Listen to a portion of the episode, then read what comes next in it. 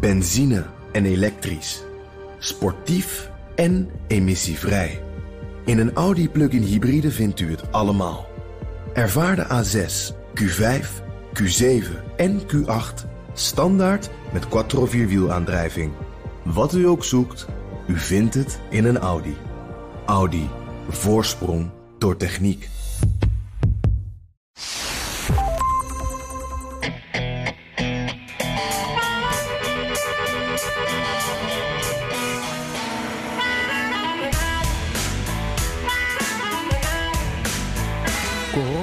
In Amerika uit tot een verbale burgeroorlog. Niet alleen misplaatste vergelijkingen met de Holocaust, die komen bij wijze van spreken in de beste landen voor, maar met militante felheid waar je de rillingen van krijgt.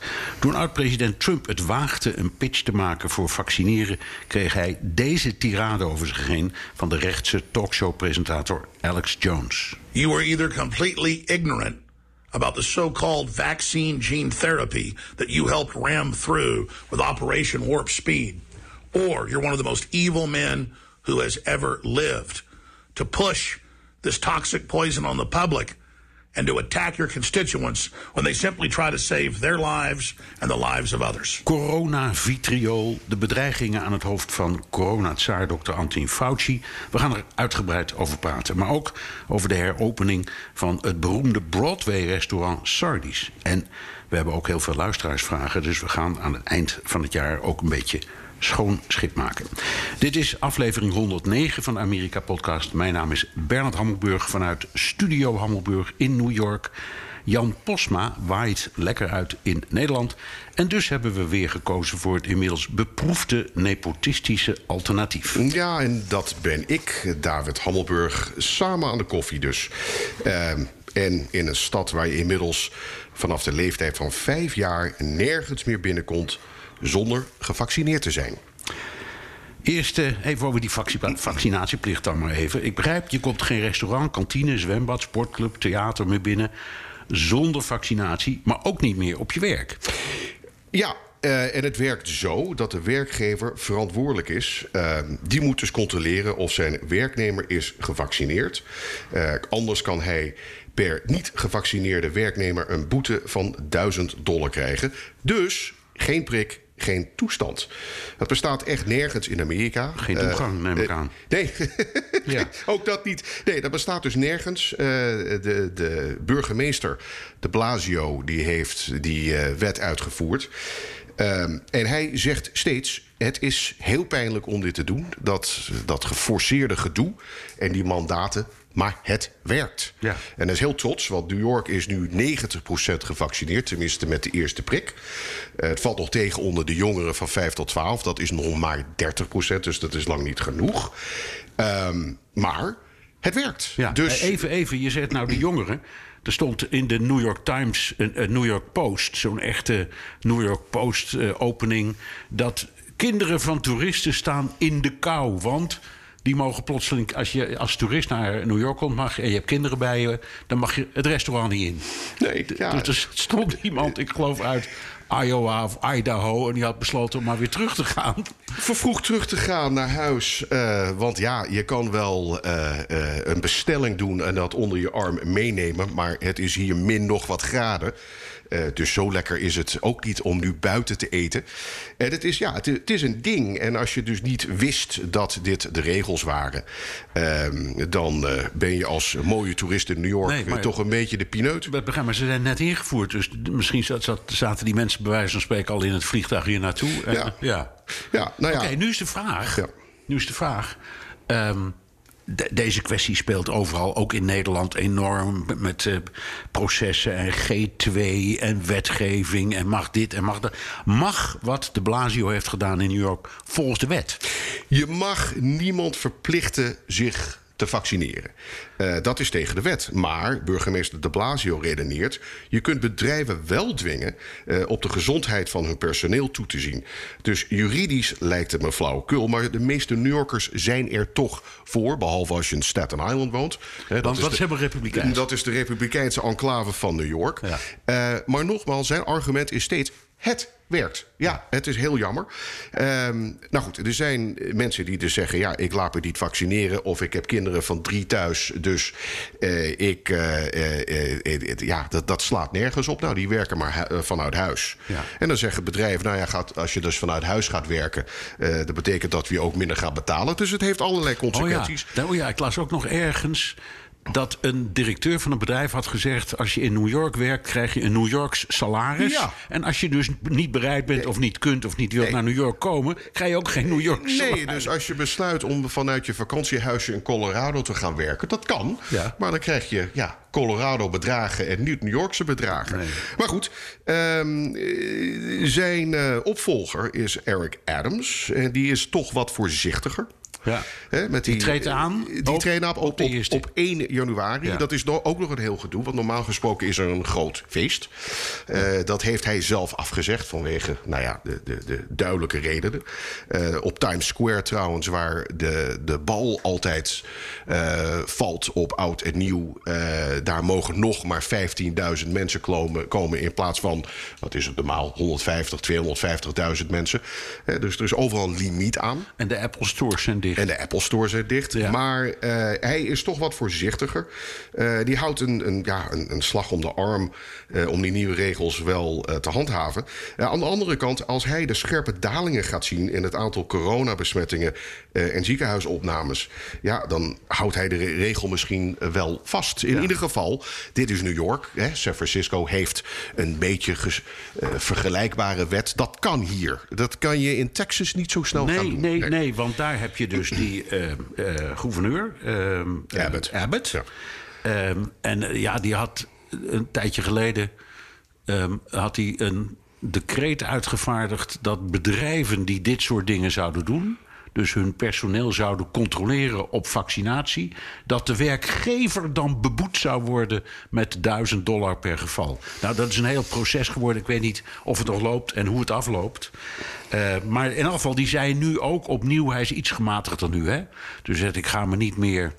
Ik, ik voer niet meer echt campagne tegen eh, vaccinaties en, en, en, mondkapjes. Maar ik ga ook niet tegen mensen roepen dat ze het moeten doen. Het ik laat het echt aan mijn burgers over. Ja, eh, daar is ook wat voor te zeggen. Hè. We hebben het steeds over het onderwerp verplichtingen en mandaten. Amerikanen die, die eh, vinden het afschuwelijk om geforceerd iets te moeten of niet te mogen doen. Dat, dat zit niet in de DNA van de, gemi- de gemiddelde Amerikaan. Mijn vrijheid, mijn rechten.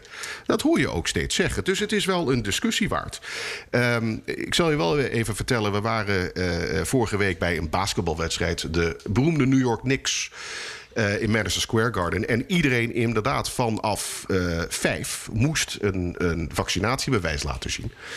Ehm, en dat ging heel soepel. Ik moet heel eerlijk zeggen. Als je eenmaal Hoeveel? 23.000 mensen? Nee, er kunnen 18.200 mensen in voor een basketbalwedstrijd. Hij was ook eh, volledig gevuld. Maar iedereen neemt dan wat meer de tijd. Dat ging heel rustig. Ja. Eerlijk is eerlijk. Eh, je laat die, eh, de- dat ding zien. Dan kom je in de volgende rij. Dan, dan ga je door een, een poortje zoals je op Schiphol ook doet. En dat ging allemaal rustig. Ja, gemoedelijk. en gemoedelijk. En ja, ik- samen ik- uit, samen thuis. toch wel wel een beetje dat gevoel. Ik, ik denk toch, als je op die manier gaat proberen in de Kuip of in de Arena... dan dat krijg je nooit voor elkaar. Hè? Nou ja, meer hooligans daar. hè? Jawel, maar ook veel grotere aantallen mensen die er tegelijk in willen.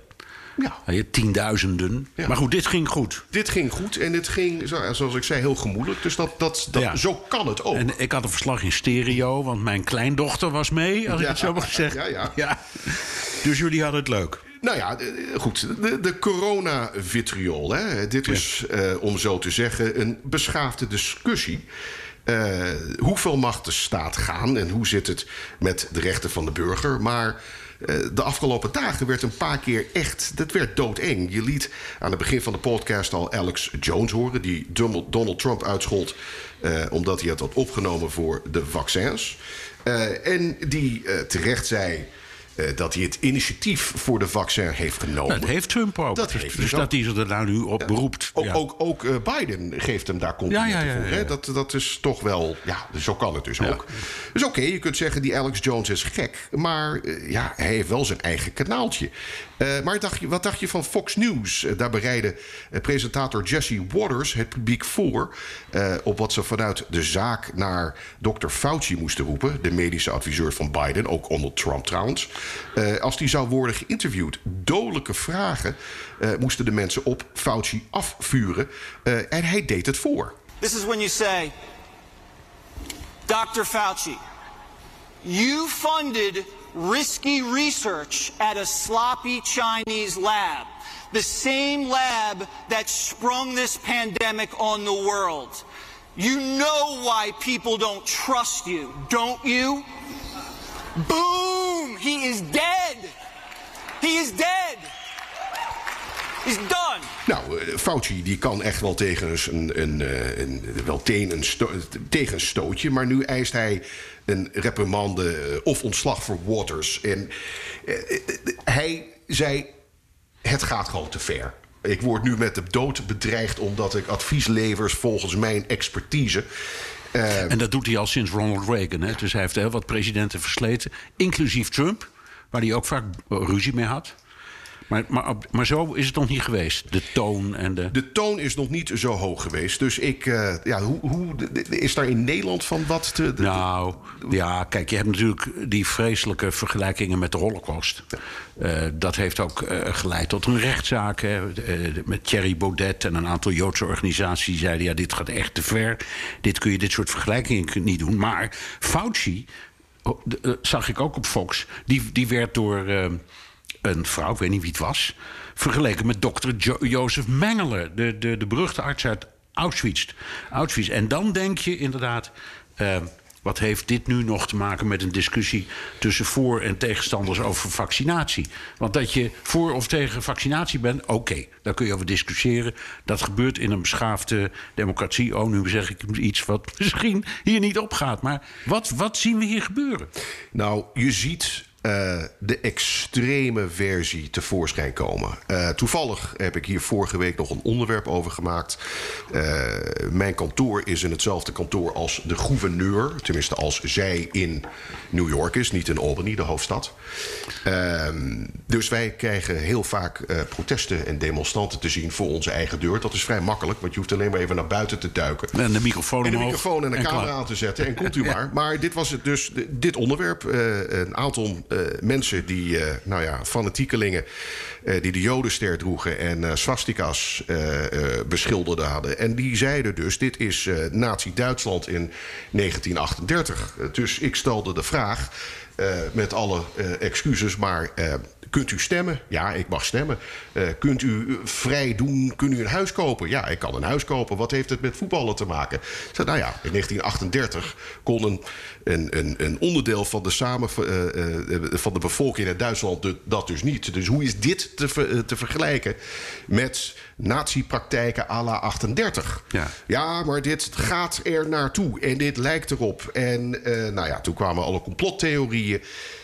Eigenlijk is er geen normale discussie te voeren. Dat is wel bijzonder jammerlijk. Want eh, als je dat dus zo aangaat, dan, dan nou, kom maar met de redenen. En dan komen ze met idiote ideeën van... wist u dat er concentratiekampen werden gebouwd? Ja, zoek maar eens op online. Van dat ja. soort teksten. Nou ja, Ja. oké. Oké, en nou nou even, wat is de bron van de meeste, eh, de meeste van die onzin? Je, eh, er zijn mensen die doen daar studies naar welke Facebookgroep of welke Twitter-account.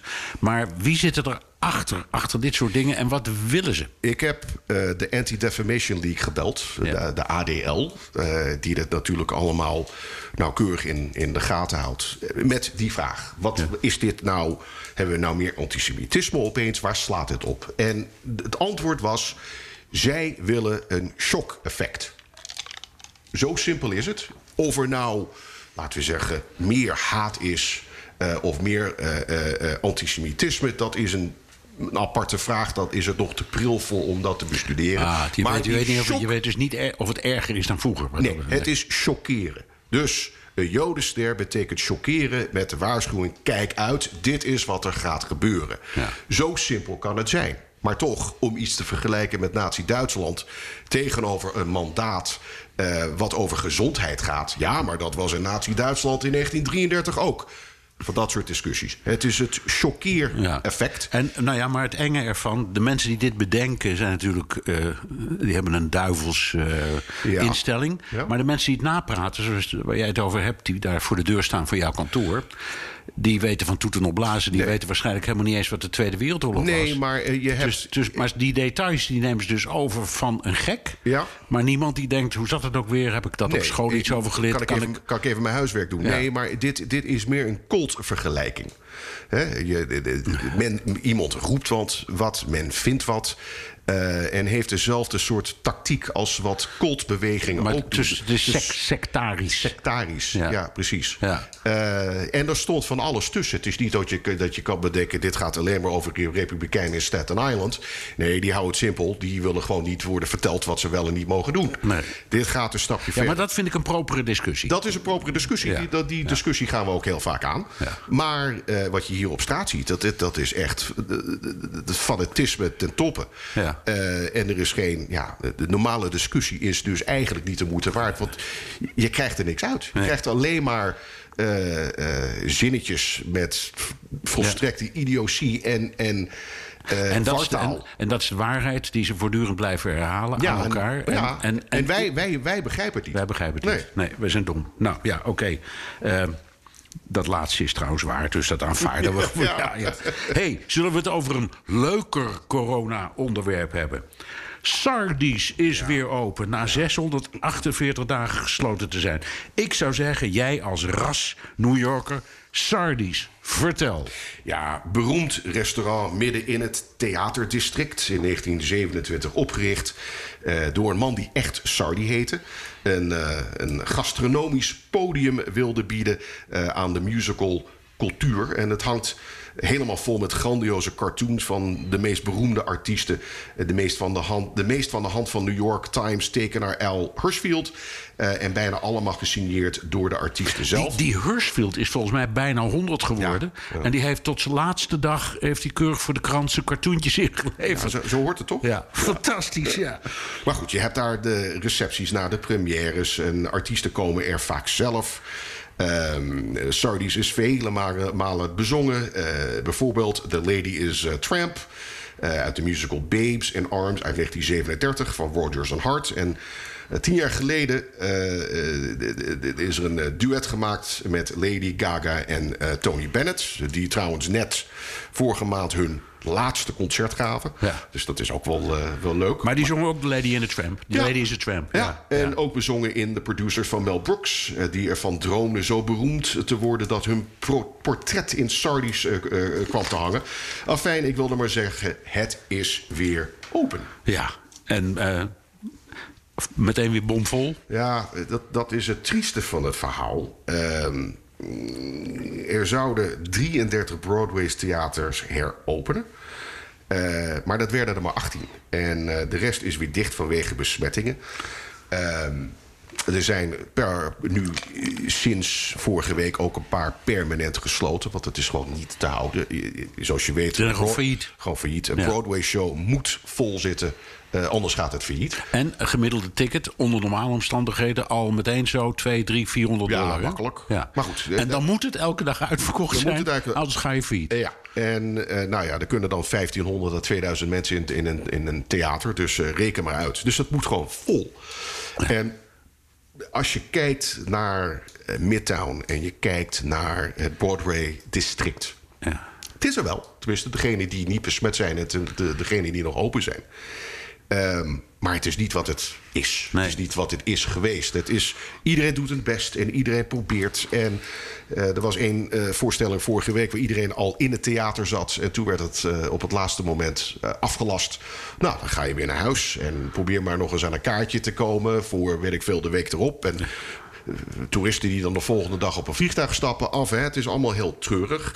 Eh, de Rockettes, de beroemde Oh, Rockettes, ja. Radio City. Radio City, dat is de, de, de, de, de, jaarlijkse kerstshow Ja. in de Radio City Musical. Ja, nou niet deze kerst. Die is tot na oud en nieuw eh, afgelast. En, eh, En dus konden we daar niet heen met, Nee. met jouw dochters en mijn kleindochters. Terwijl we ons enorm hadden verheugd op, Ja. op die prachtige dansende meiden van de, eh, de Radio City. Dus je doet eh, als New Yorker of als toerist wat je kan. En je probeert de leuke dingen erbij te pakken. Maar eh, je moet niet teleurgesteld zijn of niet eh, al teleurgesteld zijn... als het toch op het laatste moment niet lukt.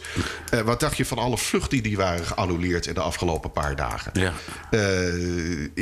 Drie, ik geloof misschien wel 4000 vluchten geannuleerd. Ja. Gewoon omdat er geen personeel was. Die hadden of corona of waren besmet. Of naast iemand die besmet was. Dus ja, als de piloot niet op kon dagen. Dus ik ken een tal mensen die dus eh, vakantieplannen hadden... en die maar weer naar huis zijn eh, gegaan.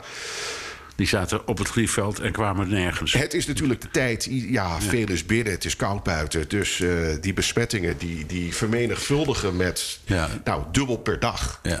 Ehm, en het is nu bijna alles de nieuwe variant. Dat Delta, dat is weer helemaal vergeten. Ja, allemaal, allemaal Omicron. Ja, Ja. En, eh, en we hebben ook ouderwets, wat we vorig jaar dus niet hadden, het koortsseizoen.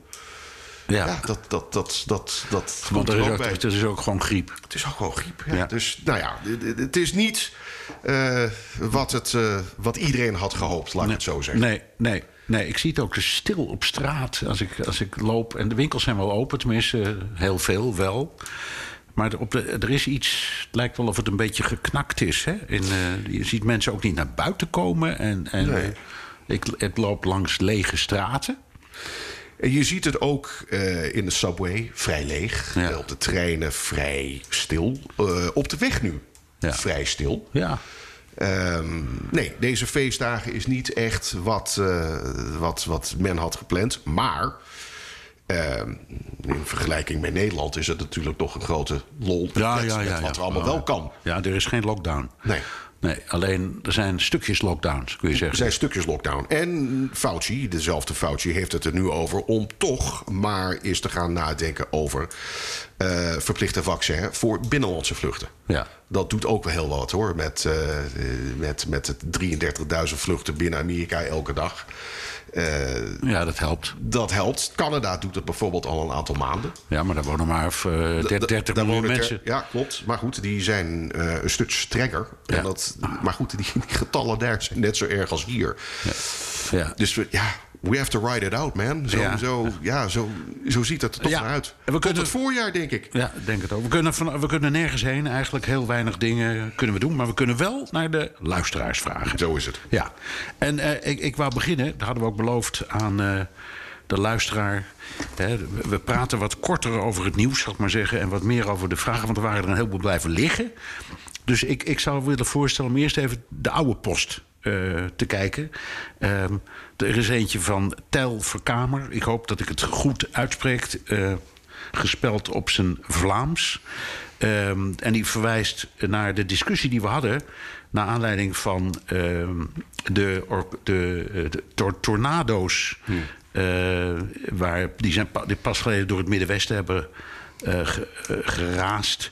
En hoe, hoe dat nou klimatologisch kan. En hij citeert een prachtig verhaal uit The Economist, die dat helemaal hebben uitgeplozen. Ehm, en hij schrijft dan: Amerika is meer dan andere landen gevoelig voor tornado's, omdat het van die grote op, open vlaktes bevat met in het zuiden warm water en in het noorden koude lucht. En die mengeling die zorgt dan op die open vlakte voor eh, tornado's. En de vraag dan, die riepen Jan en ik op in eh, een vorige podcast, was of er nou sprake is van klimaat. of dit het gevolg is van klimaatverandering, wat bijna iedereen denkt. eh, of niet. En toen hadden we statistiekjes opgezocht uit het verleden, waaruit bleek dat. Je, zolang er metingen zijn, dat was rond 1850 zijn die of zo begonnen. Toen waren er al van die megatornado's in het Middenwesten. Dus heel moeilijk ehm, eh, om dat te meten. En dat, de, Tijl zegt in feite, naar aanleiding daarvan, ja, eh, de- volgens de economist zegt hij dan, is, er, is, het, is de klimaatverandering in het aantal tornado's eigenlijk niet merkbaar. Die zijn er, die zijn, die zijn er, toch. Ja, ik, ik wil wel even één ding daarover kwijt. Eh, zoals jij weet was ik eh, vorige maand in Hudson Bay in eh, noordelijk Canada. Ehm, en dat was een verhaal over ijsberen. Dat verhaal, heel kort, is dat die ijsberen vanaf Hudson Bay... als het Hudson Bay smelt, gaan ze op land... Ja? En die kunnen dat daar dan 180 dagen redden zonder te eten. En zodra uh, de Hudson Bay weer bevriest, uh, gaan ze weer terug op het ijs. En daar eten ze de hele winter, want zij eten uh, wat ze uit, uit het water vangen. Zoals zeehonden, zeehonden van dat soort dingen? Oké, nou, okay. dus, dus, een, dus een, een, ijsbeer houdt een zomerslaap in plaats van een winterslaap? Precies. Ja. Nou, wat is er gebeurd? Ehm, in de afgelopen paar jaar is die Hudson Bay veel later gaan bevriezen dan voorheen. Ja? ja. En eh, zoals ik zei, een ijsbeer mag dan 180 dagen op land. Wij waren daar met dag 140 en normaal gesproken waren die dingen al lang weer terug op het ijs. Maar het smelten van het ijs en het niet bevriezen van het ijs heeft wel degelijk uh, met het weer te maken, tenminste met het klimaat te maken, omdat het wat langer warmer blijft. Ja. Ja? ja. Dus uh, de experts daar zeggen: dit is het gevaar. Ja. Uh, heel klein, hè, maar als je twee weken, weken later moet wachten om weer op het ijs te komen, omdat het gewoon warmer is en het sneeuwt nog niet en het, en het bevriest nog niet, ja, dan, dan heb je een probleem. Ja. Dus dit was maar één voorbeeld van hoe erg dat kan zijn met ja, een halve percentage verschil in, in temperatuur. En je hebt inderdaad die, die, die beren ook gezien en gefilmd, hè? En live en vivo, jazeker. Ja, ja. ja, ja. Is het eng? Nee, want ze bewegen bijna niet. Oh. Het is een soort, ja, winterslaap. Maar dan zomerslaap. Maar dan zomerslaap, ja, precies. ja, ja. ja. Daar meer er was ook uh, uh, Michiel Stade, gaat ook over hetzelfde onderwerp. Um, en die, dat is wel heel grappig, komt met een hele mooie redenering over het menselijk toedoen en, en of er vaker of wel of niet bosbranden er ontstaan enzovoort. Dus die discussie. Maar goed, dit is geen meteorologisch programma. Maar ik citeer het wel. Er komt een citaat en dat luidt: cyclonen, wervelstormen, bliksem en onweer, winterstormen, hagel, bliksem, extreem harde wind komen allemaal niet vaker voor dan in het historische, dan het, in het historische gemiddelde. En de bron van deze opmerking is onze vriend uh, Michiel Bikker-Kaarten. Ja in uh, de Bikker Nieuwsbrief. En dat is uh, een goede vriend van ons. En de oprichter van BNR. Dus uh, ontzettend leuk dat, hij, dat deze Michiel daar naar verwijst. Vanuit, het, vanuit Harderwijk. Het, het is inderdaad zo. Als je door de geschiedenis kijkt, is er niet een groot verschil. Maar de vraag is: is dit jaar of vorig jaar in Hudson Bay als voorbeeld een uitzondering of is het een trend? En het is nog te pril in de geschiedenis van de afgelopen vijf of tien jaar om tot de conclusie te komen. Ja, ja.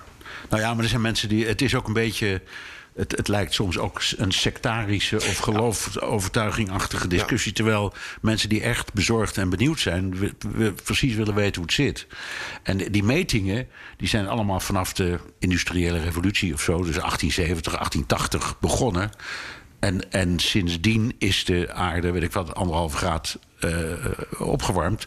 En de redenering is dat komt dan door menselijk gedrag, dus door machines en ga zo maar door. En fossiele brandstof. Nog, nog één ding wat wel leuk is: als je de locals uh, aanspreekt daarop, zeggen ze: Ik zie helemaal geen klimaatverandering. Uh, dit jaar is het twee weken later, vorig jaar was het twee weken vroeger. Weet je hoe ik het weet? Ik kijk even naar uh, mijn raam uit. Ja. Dan zie ik wat er gebeurt. En dan zie je of er ijs is. Ja, ja. oké. Okay. Nou, uh, brief van uh, Wouter van der Kraan. hele trouwe luisteraar. Die kijkt elke week uit naar een nieuwe aflevering van de podcast. En dat doet hij dan in de trein op weg van Schiphol-Oost. en hij luistert ook naar Boekstein en de Wijk. Trouwens, wat ik toevallig vlak voordat we deze opname deden... zelf ook weer even heb uh, terug zitten luisteren. Dat ging dan om over de ontwikkeling in Rusland. Maar hoe dan ook, hij stelt een geweldige vraag en jij mag hem beantwoorden. Waar komen de termen democraten en republikeinen vandaan? Dat is een uitstekende vraag. Gaan we even terug in de tijd? Uh, dit land is eigenlijk in strijd met zichzelf. Of het nou een federale uh, macht heeft in Washington of de statenrecht van de rest van de staten. Ja. Dat is eigenlijk het eeuwige debat in dit land. Ja. Dus de eerste. Nou ja, even percentueel gaat de federatie, dus Washington, maar over 12% geloof ik van wat er in dit land gebeurt. En de rest beslissen de staten allemaal zelf. Ja. De eerste president, George Washington, was een, een federalist. Dat is dus iemand die meer geloofde in, in de federale macht in Washington.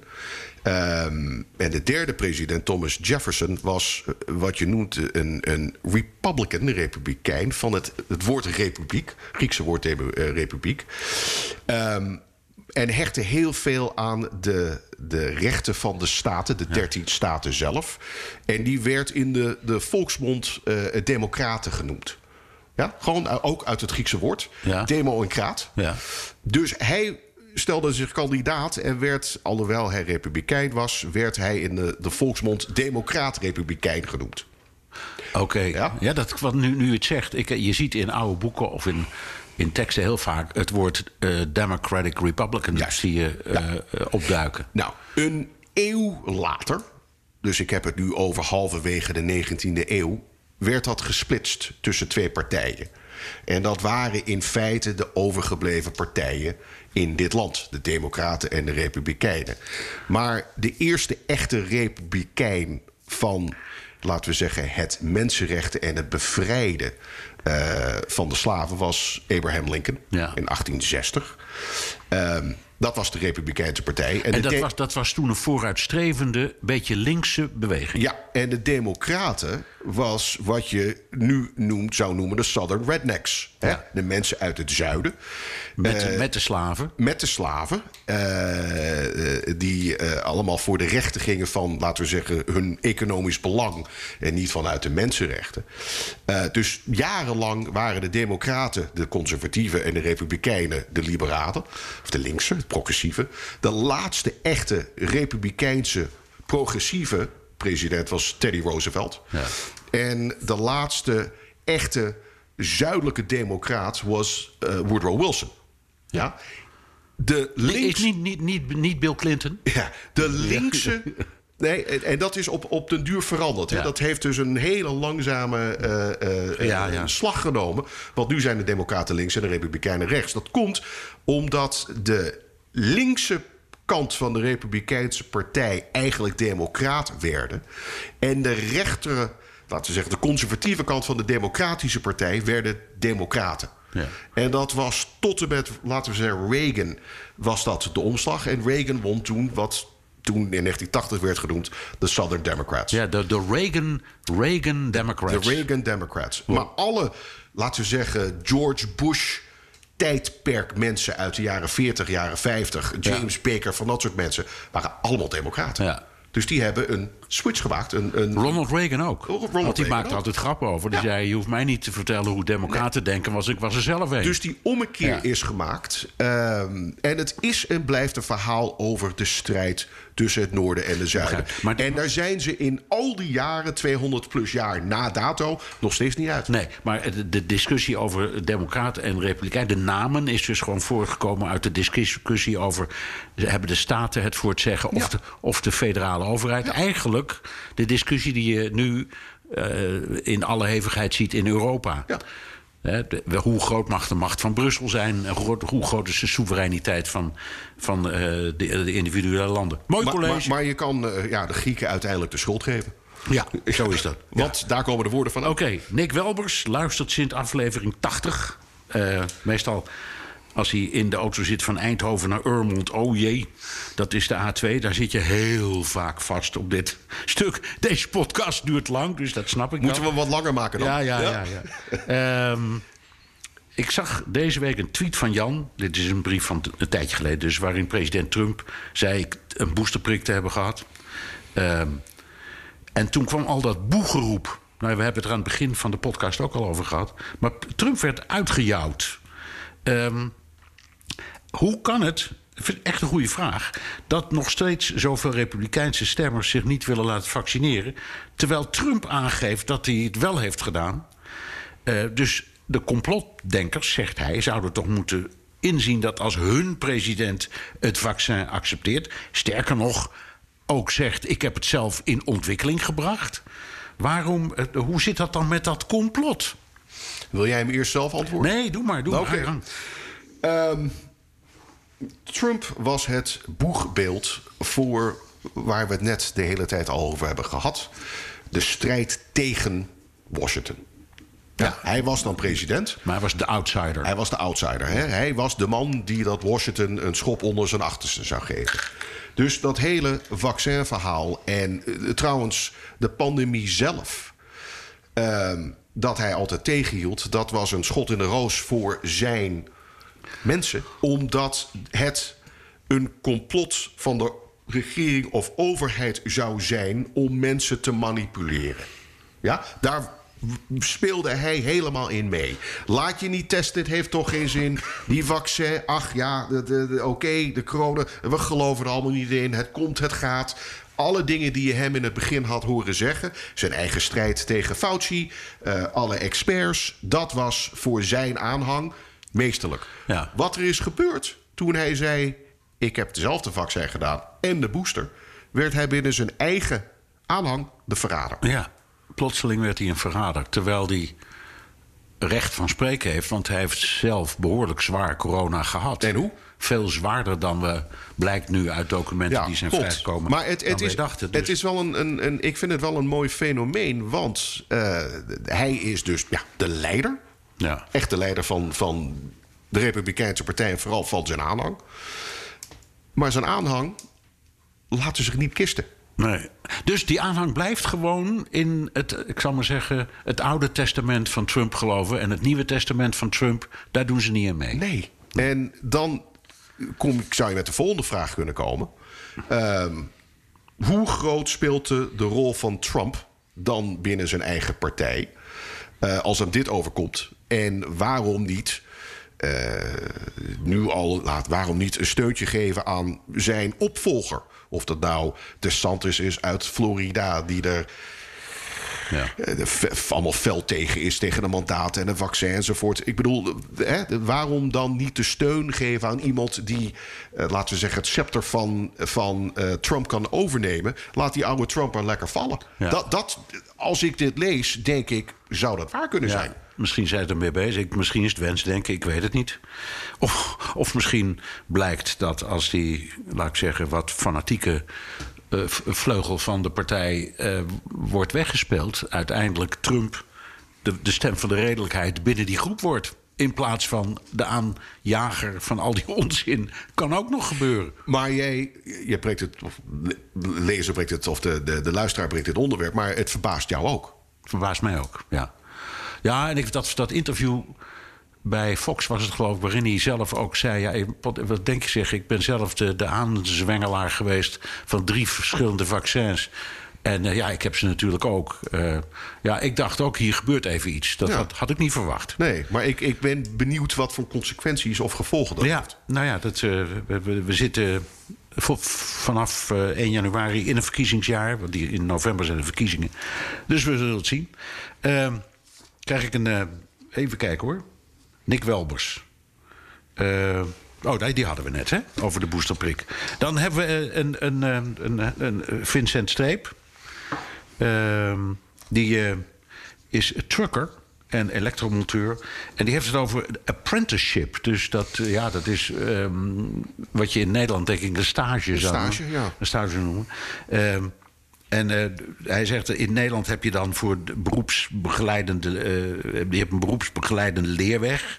Dus als je VMBO doet of MBO, dan moet je stages doen. Ehm, er zitten bijvoorbeeld bij eh, BNR en alle, alle andere mediabedrijven... ook heel veel stagiaires. Die doen dan een opleiding communicatie of journalistiek of geschiedenis. En in het kader daarvan doen ze dan zoiets. Eh, maar het heeft in, eh, in Amerika heeft het een, een heel ander karakter. En het heeft ook een soort van. eh, ja, eh, je moet als het ware solliciteren bij een vakbond. om, om, om dan weer zo'n opleiding en zo'n traject in te mogen. Ja. En het is heel moeilijk om een vakbond binnen te komen. Ja. Ik ken elektriciens en, en bouwvakkers. En die hebben er jaren om zitten pushen. Ja. om een vakbond, binnen te mogen. En dan- dat is niet makkelijk. Nee. En, en de meeste mensen, ja, het, het, het stageleven in Amerika, dat is toch wel een beetje wat anders dan in Amerika. Ja, ik, ik hoor al dat je hiervoor moet, hier be- moet betalen om een stage te mogen. Ja, de- de- vaak. Maar het is ook niet makkelijk om een, een, een stageplek te, te vinden. Er zijn natuurlijk bepaalde vakken waar het de norm is. Zoals eh, eh, juristen in de advocatenwereld. eh, ben je als tweede en derdejaars student verplicht om een zomer eh, stage te lopen. lopen bij een van de gerenommeerde eh, advocaat. advocatenkantoor. Ehm, wat in de journalistiek gebeurt, is dat sta- stagiaires vaak blijven. En dan een onderdeel Ja, ja, ja. worden van, hè, van het team bij. Zeker. Bij, bij, bij BNR is dat, kun je daar een boekje over schrijven. Ja, oké, maar goed. zitten de, de, de, de, de grootste toppers Maar zijn als stagiaire begonnen. Ik weet in dat wereldje eh, is het verrukt moeilijk om, eh, om daar binnen te komen, überhaupt. Ja. Oké, nou, leuke vraag. En het is inderdaad een beetje anders. En dat woord apprentice heeft dit hier ook hier een, altijd een andere betekenis... vanwege het eh, programma dat Trump jarenlang heeft gedaan op de televisie.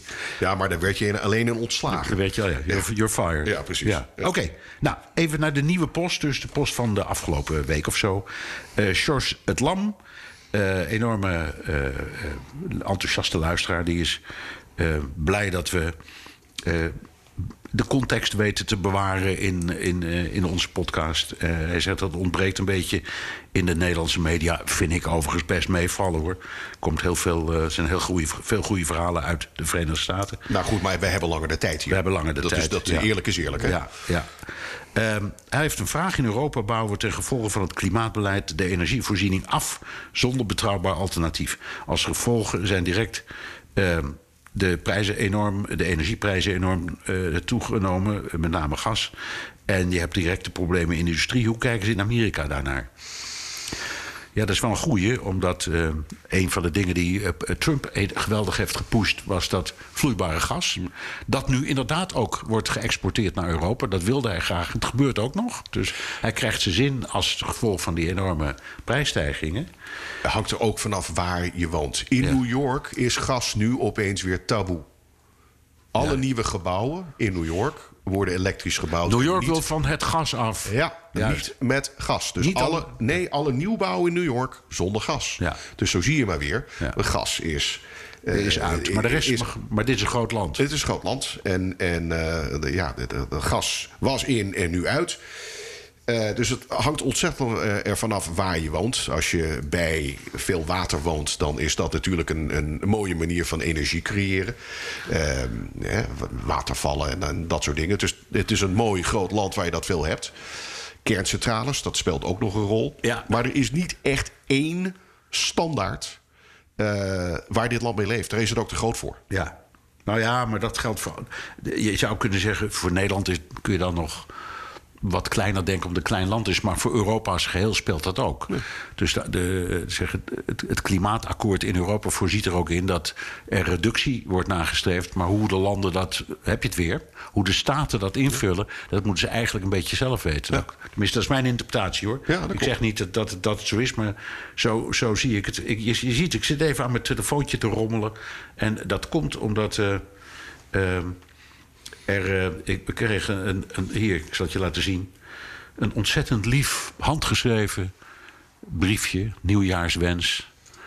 Eh, Nou, wat leuk. ja, en die, die wil ik eventjes... eh, nou, ik ga hem niet helemaal voorlezen, maar hij is van... eh, een, een, even kijken hoe ze heet.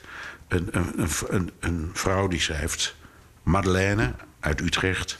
dat ze het soms wel een beetje moeilijk heeft in deze periode... en dat die podcast haar lekker door, eh, door sommige dips heen helpt. En Jan stuurde dat net op vanuit Nederland, waar die notabene met vakantie is. Dus hij hoort helemaal niet te werk. Maar we waren allebei zo ontroerd dat we dat even wilden vertellen. Nou, George het Lam.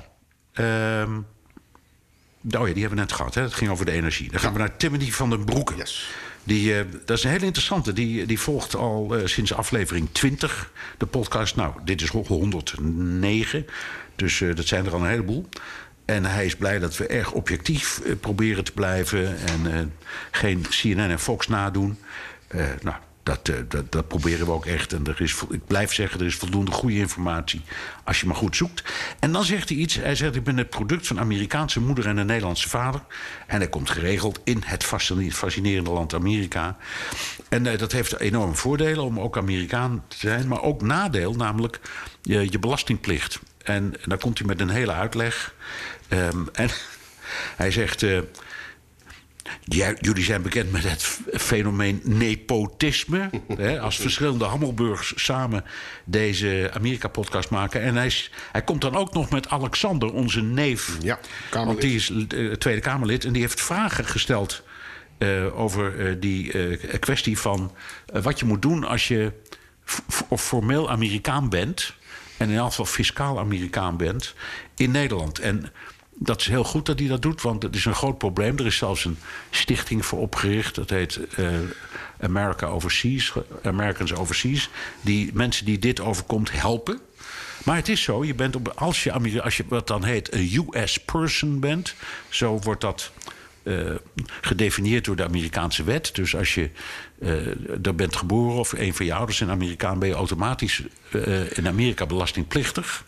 En dat heeft enorme consequenties, want dan mogen Nederlandse banken vaak je niet meer als cliënt aanvaarden. Dus het is echt een enorme, enorm probleem. En dat is eh, vrij recentelijk, dit probleem. Eigenlijk is dit begonnen onder Obama. Als je dat nog kan herinneren, dat was een jaartje of vijf, zes Ja, en de geleden. bedoeling was om zwart geld in Zwitserland eh, Ja. op te sporen. En dat was een hele goede bedoeling, maar dat werd ietsje, eh, laten we zeggen, te ver getrokken. En opeens kreeg je eh, meldingen van een taxichauffeur uit eh, Rotterdam... die niet eens wist dat hij eh, een, een Nederlandse of een Amerikaanse staatsburger was... of Uncle Sam maar even mocht innen. Ja. Dus er zijn een aantal mensen in Nederland daar failliet door geraakt. En dit is, ik heb een Nederlandse bankrekening zelf. En toen dit allemaal in het begin speelde... Ja. ik zal de naam even niet noemen... maar voor een van de banken die wilde geen zaken meer met me doen. Nee. Nou, heel simpel. Nou ja, oké, dan niet. Prima, ga wel een andere bank. Die waren als de dood voor eh, de Amerikaanse ingreep. Ja, en ik hoorde ook een verhaal destijds eh, van America Overseas, Americans Overseas. eh, over een heel dramatisch verhaal over een wat oudere vrouw. Die had een hypotheek bij een bank. En die werd gebeld door de bank of ze per onmiddellijk het volledige bedrag wilde terugstorten. Want ze kon daar niet langer cliënt zijn. Ehm, en de fout, naar mijn idee, die is gemaakt. En daarom is, ben blij dat Alexander zich hier ook in verdiept. En eh, D66 spant zich überhaupt erg in voor deze kwestie. Moet ik er even bij zeggen hoor. Ehm, eh, het is, ehm, eh, eh, de fout is gemaakt doordat het wetsontwerp hierover, dus de samenwerking met Amerika op fiscaal gebied, als een soort hamerstuk door de Tweede Kamer is aangenomen en de kleine lettertjes niet zijn gelezen. En daarin stond dat voor de uitvoering de banken verantwoordelijk zijn. Ja, dus die willen geen risico meer Nee, nemen. maar de banken hebben in, naar mijn gevoel, ook een, een, een foute redenering gehad. In plaats van, laten we zeggen, de redelijkheid heerst, zijn ze de extreem andere kant uitgegaan. En alles wat me ook maar een beetje bleek met een Amerikaanse ingang te hebben, weg met die lui. Ja. Dus ik hoefde, laat ik het zo zeggen, in mijn geval eh, heb ik één zinnetje eh, eh, uitgelegd. Nou ja, ik, ik, ik ben beide en ik betaal hier belastingen. Dus wat u denkt, telt helemaal niet. Nee. Ehm, maar daar, daar wilden ze helemaal niets van. Als ze dood waren, ze Ja, wilden ze helemaal ja, niets van weten. Precies. Dus die banken zijn, die zijn ook strafbaar als ze er niet op toezien. Terwijl je zou kunnen zeggen, daar moet de Belastingdienst op toezien. Laat die banken eens met rust. En de cliënt. Goed. Nou dit, dit is een verhaal dat al een aantal Ja, jaren loopt. Tim, het is goed dat je erover begint. Wij kunnen er niks aan doen. Ehm, helaas, eh, wij hebben dit probleem zelf. Eh, dus we, we weten er alles van. Maar ik zou zeggen, probeer Americans Overseas. Dat is een uitstekende organisatie. En eh, die, die zijn helemaal gespecialiseerd juist in deze kwestie. En die kwamen er ook, die, die zijn ont, ontstonden, door- die ontstaan door hun eigen toeval. Oh, eigen toeval. Ook gewoon, Ja, die- de- een van die lui had Amerikaanse ouder, wisten die ze niet eens. Nee. Of ze hadden nooit een En kregen- paspoort gekregen. en kregen Die een krijgen- na, naheffing van Ja. tonnen of miljoenen, of wie maar even wilde dokken. Ja, precies. precies. Oké. Annelies Roegis.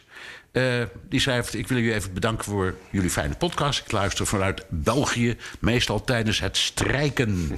Nou, nou. eh, ze is bezeten van alles wat met Amerika te maken heeft. Was ze al als kind. Ehm, ik weet op dit moment beter wat de politiek speelt in Amerika dan in België.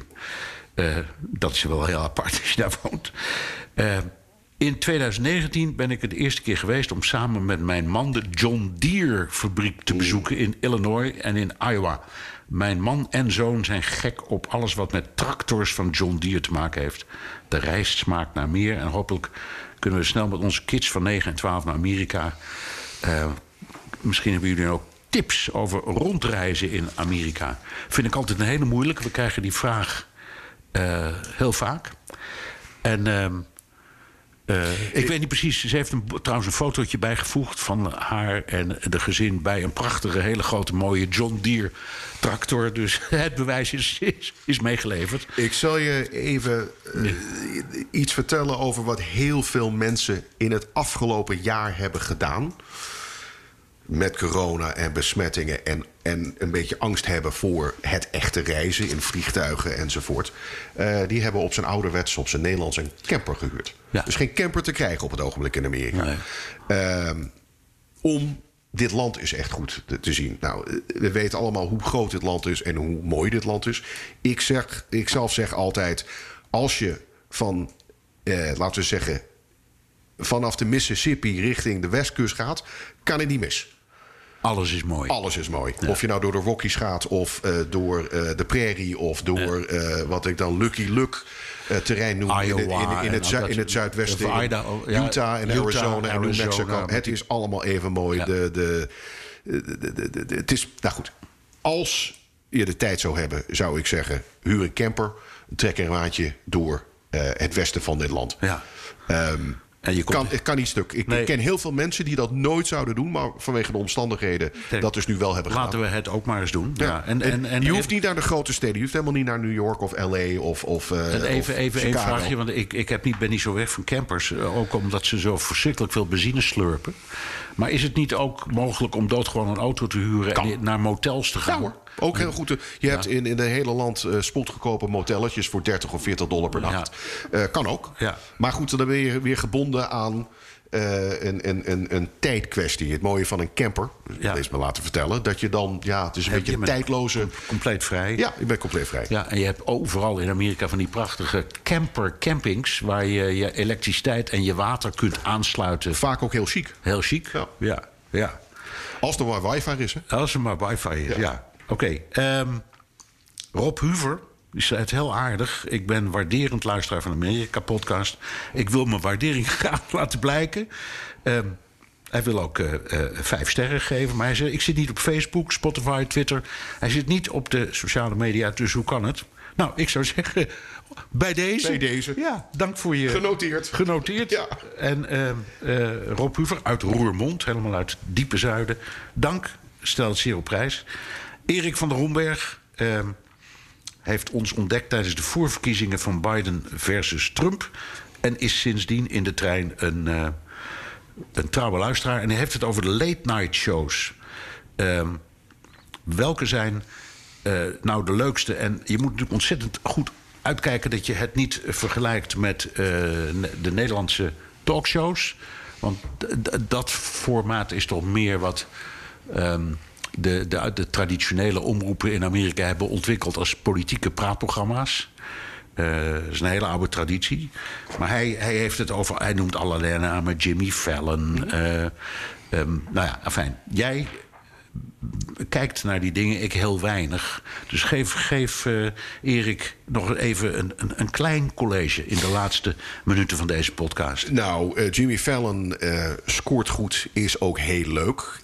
Je moet het wel zien als entertainment, waar af en toe een politiek onderwerp valt met een interview met een prominente politicus. Maar deed hij niet dat eh, pas geleden dat eh, duet met eh, Paul McCartney? Ja, dat deed hij. Fantastisch. Ja. Ehm, dus Jimmy Fallon, Fallon, daar ben ik wel een fan van. Ik kijk, om heel eerlijk te zijn, ik kijk niet zo vaak. Er zijn andere dingen te bekijken. En één, ja, ik, ik zeg het weer, ik heb het er wel eerder over gehad in deze podcast. Maar ik ben een grote fan van Bill Maher. Ehm, voormalig van ABC en Politically Incorrect. Die heeft nu een wekelijkse show op vrijdagavond eh, op HBO. Ja, maar die kunnen wij heel moeilijk bekijken. Ja, maar- het is lastig hoor. Het, Ja. Goed, maar daar ben ik dus een, een fan van, omdat ehm, nee, de, de- de- hij is progressief, oké.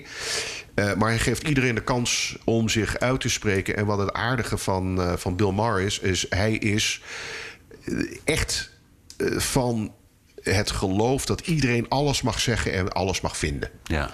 Ehm, en in de cancelcultuur waar wij nu in leven in Amerika, net zoals in Europa trouwens, ehm, is dat eigenlijk nog een uitzondering. Ja. Je mag gewoon vinden en denken en roepen wat je zegt binnen, laten we zeggen, wat wij dan de normen en waarden eh, vinden. Je kan niet, eh, eh, het bekende geval in Amerika, niet eh, brand roepen in een bioscoop. Dat mag dan niet. Nee, strafbaar. Ja. Dat is strafbaar.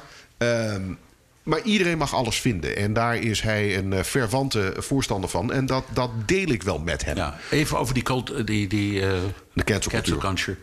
Wij reden, was het gisteren, samen Ja. in de auto langs het National History Museum. History Ja. Museum. En daar staat een grote witte tent. Ja. Dat moet je nog even vertellen, dit verhaal. Ja, dat is het eh, eh, gigantische beeld eh, van Teddy Roosevelt.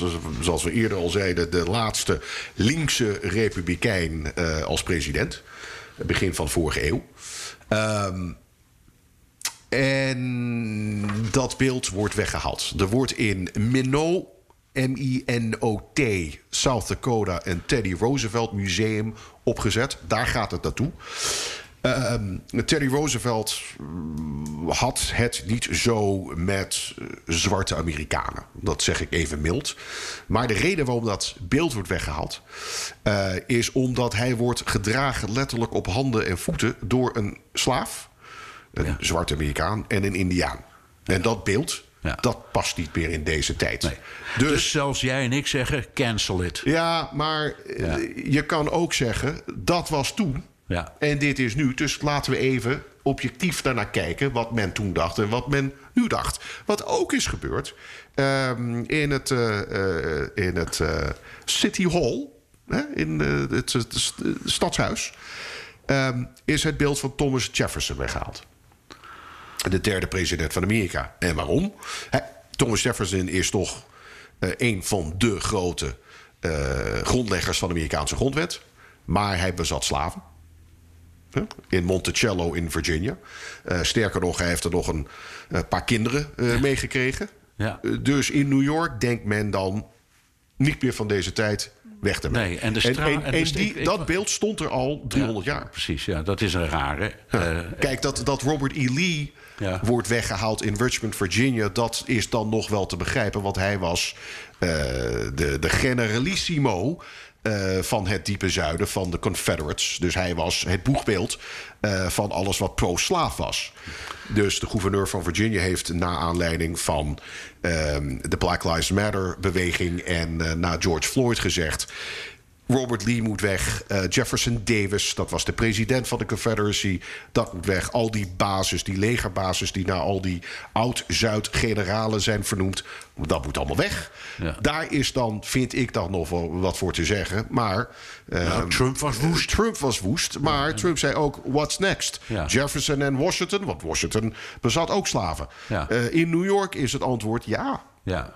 Ja, nou, dat, ik heb er ook moeite mee. We Ik heb hebben er moeite mee, We hebben je- in deze podcast al veel eh, discussie over gehad. Jan en ik ook. Ja, omdat Jan, terecht. Ja, Jan, Jan is het wel een beetje eens met het, het, het, eh, het wegpoetsen van dit soort hele nare signalen. Terwijl ik ben meer van de lijn van benoem het, zet er een bord naast. Absoluut. eh, leg het uit. eh, zeg ook dat het niet zegt. Dat wil niet, ja, je kunt je ervan distancieren, maar om de geschiedenis gewoon weg te gooien. dat Als je naar tekenfilms kijkt uit de jaren 40, als Ja. het nou Bugs Bunny is of Walt Disney, eh, ik noem maar wat, hè, die, die hebben allemaal het imago van. Laten we zeggen, eh slaafsgedrag. Ja. En, en allemaal imago's van dingen die de, de, vandaag de dagen, die, die, tellen helemaal niet meer. En Warner Brothers zet dus voor die cartoon. Uh, even nadenken, dames en heren. Dit is gemaakt in 1938. Uh, dat was toen. Dit is nu. Ja. Uh, even duidelijk maken dat dat toen is gemaakt. En dat men daar toen over denkt en nu heel wat anders. Ja. Maar je gaat toch niet Bugs Bunny weghalen? Nee, nou wie weet. Ja. Ja, en uh, ja, dat is een afschuwelijk idee. Maar goed, uh, het, is, het blijft een, een interessante. Ik was pas geleden uh, bij City Hall, het stadhuis, om een pasje te vernieuwen. En zag dat de straat daarvoor is omgedoopt in Black Lives Matter Avenue. Dus dat is ook iets waarvan ik denk over 100 jaar komt er iemand die roept: ja, maar dat moet weg. Nee, want dat was een racistische beweging. Dat, dat, dat kan dan niet. Nou. De, dus, maar, maar het is wel. De, we leven in de tijd van nu. En ik vind wel dat je moet zeggen: even denkend aan hoe men 300 jaar geleden leefde. Uh, en wat er nu. Uh, wat er nu de normen en de waarden zijn. En dat ontbreekt een beetje aan deze discussie. Dat is waar, dat is waar. Maar het is ook zo dat er nog veel dingen niet opgelost zijn Klopt, in dit absoluut. land. Dus die gevoelens zijn nog zo rauw. Ja. En, dat, uh, en daar hebben we. Nou, uh, dit was hem. Aflevering 109 van de Amerika-podcast. Heb je nog recensies? Uh, ik heb er eentje. G. van Smeden, vijf sterren. Sinds de studie in Amerika fan van Bernard. Hé, hey, van mij. En Jan dan? Nou ja, tijdens mijn studie in Pittsburgh ben ik begonnen te luisteren naar BNR De Wereld. Toen de Amerika-podcast uitkwam, was ik ook meteen volger en luisteraar. En uh, nog steeds, bijna drie jaar, met veel plezier naar de podcast. Jullie enthousiasme en interesse werkt erg aanstekelijk. Ga zo door. Nou, heel hartelijk dank. Zijn altijd trots op dit soort dingen. Terugluisteren van de podcast kan via de BNR site, Apple Podcast en Spotify.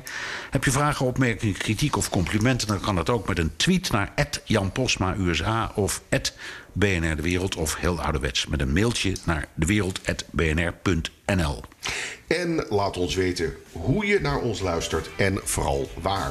Fijn dat ik weer een keer mocht aanschuiven hier in New York. En uh, voor zich ongerust mochten maken. Volgende week is Janne weer. En ik heb zo'n voorgevoel dat het onderwerp misschien wel zal gaan over één jaar na 6 januari. Zou best eens kunnen. Tot volgende week. Tot volgende week. Bedankt.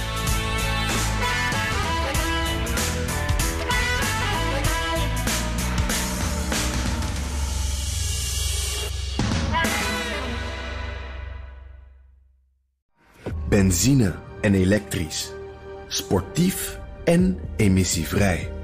In een Audi plug-in hybride vindt u het allemaal. Ervaar de A6, Q5, Q7 en Q8 standaard met quattro vierwielaandrijving. Wat u ook zoekt, u vindt het in een Audi. Audi. Voorsprong door techniek.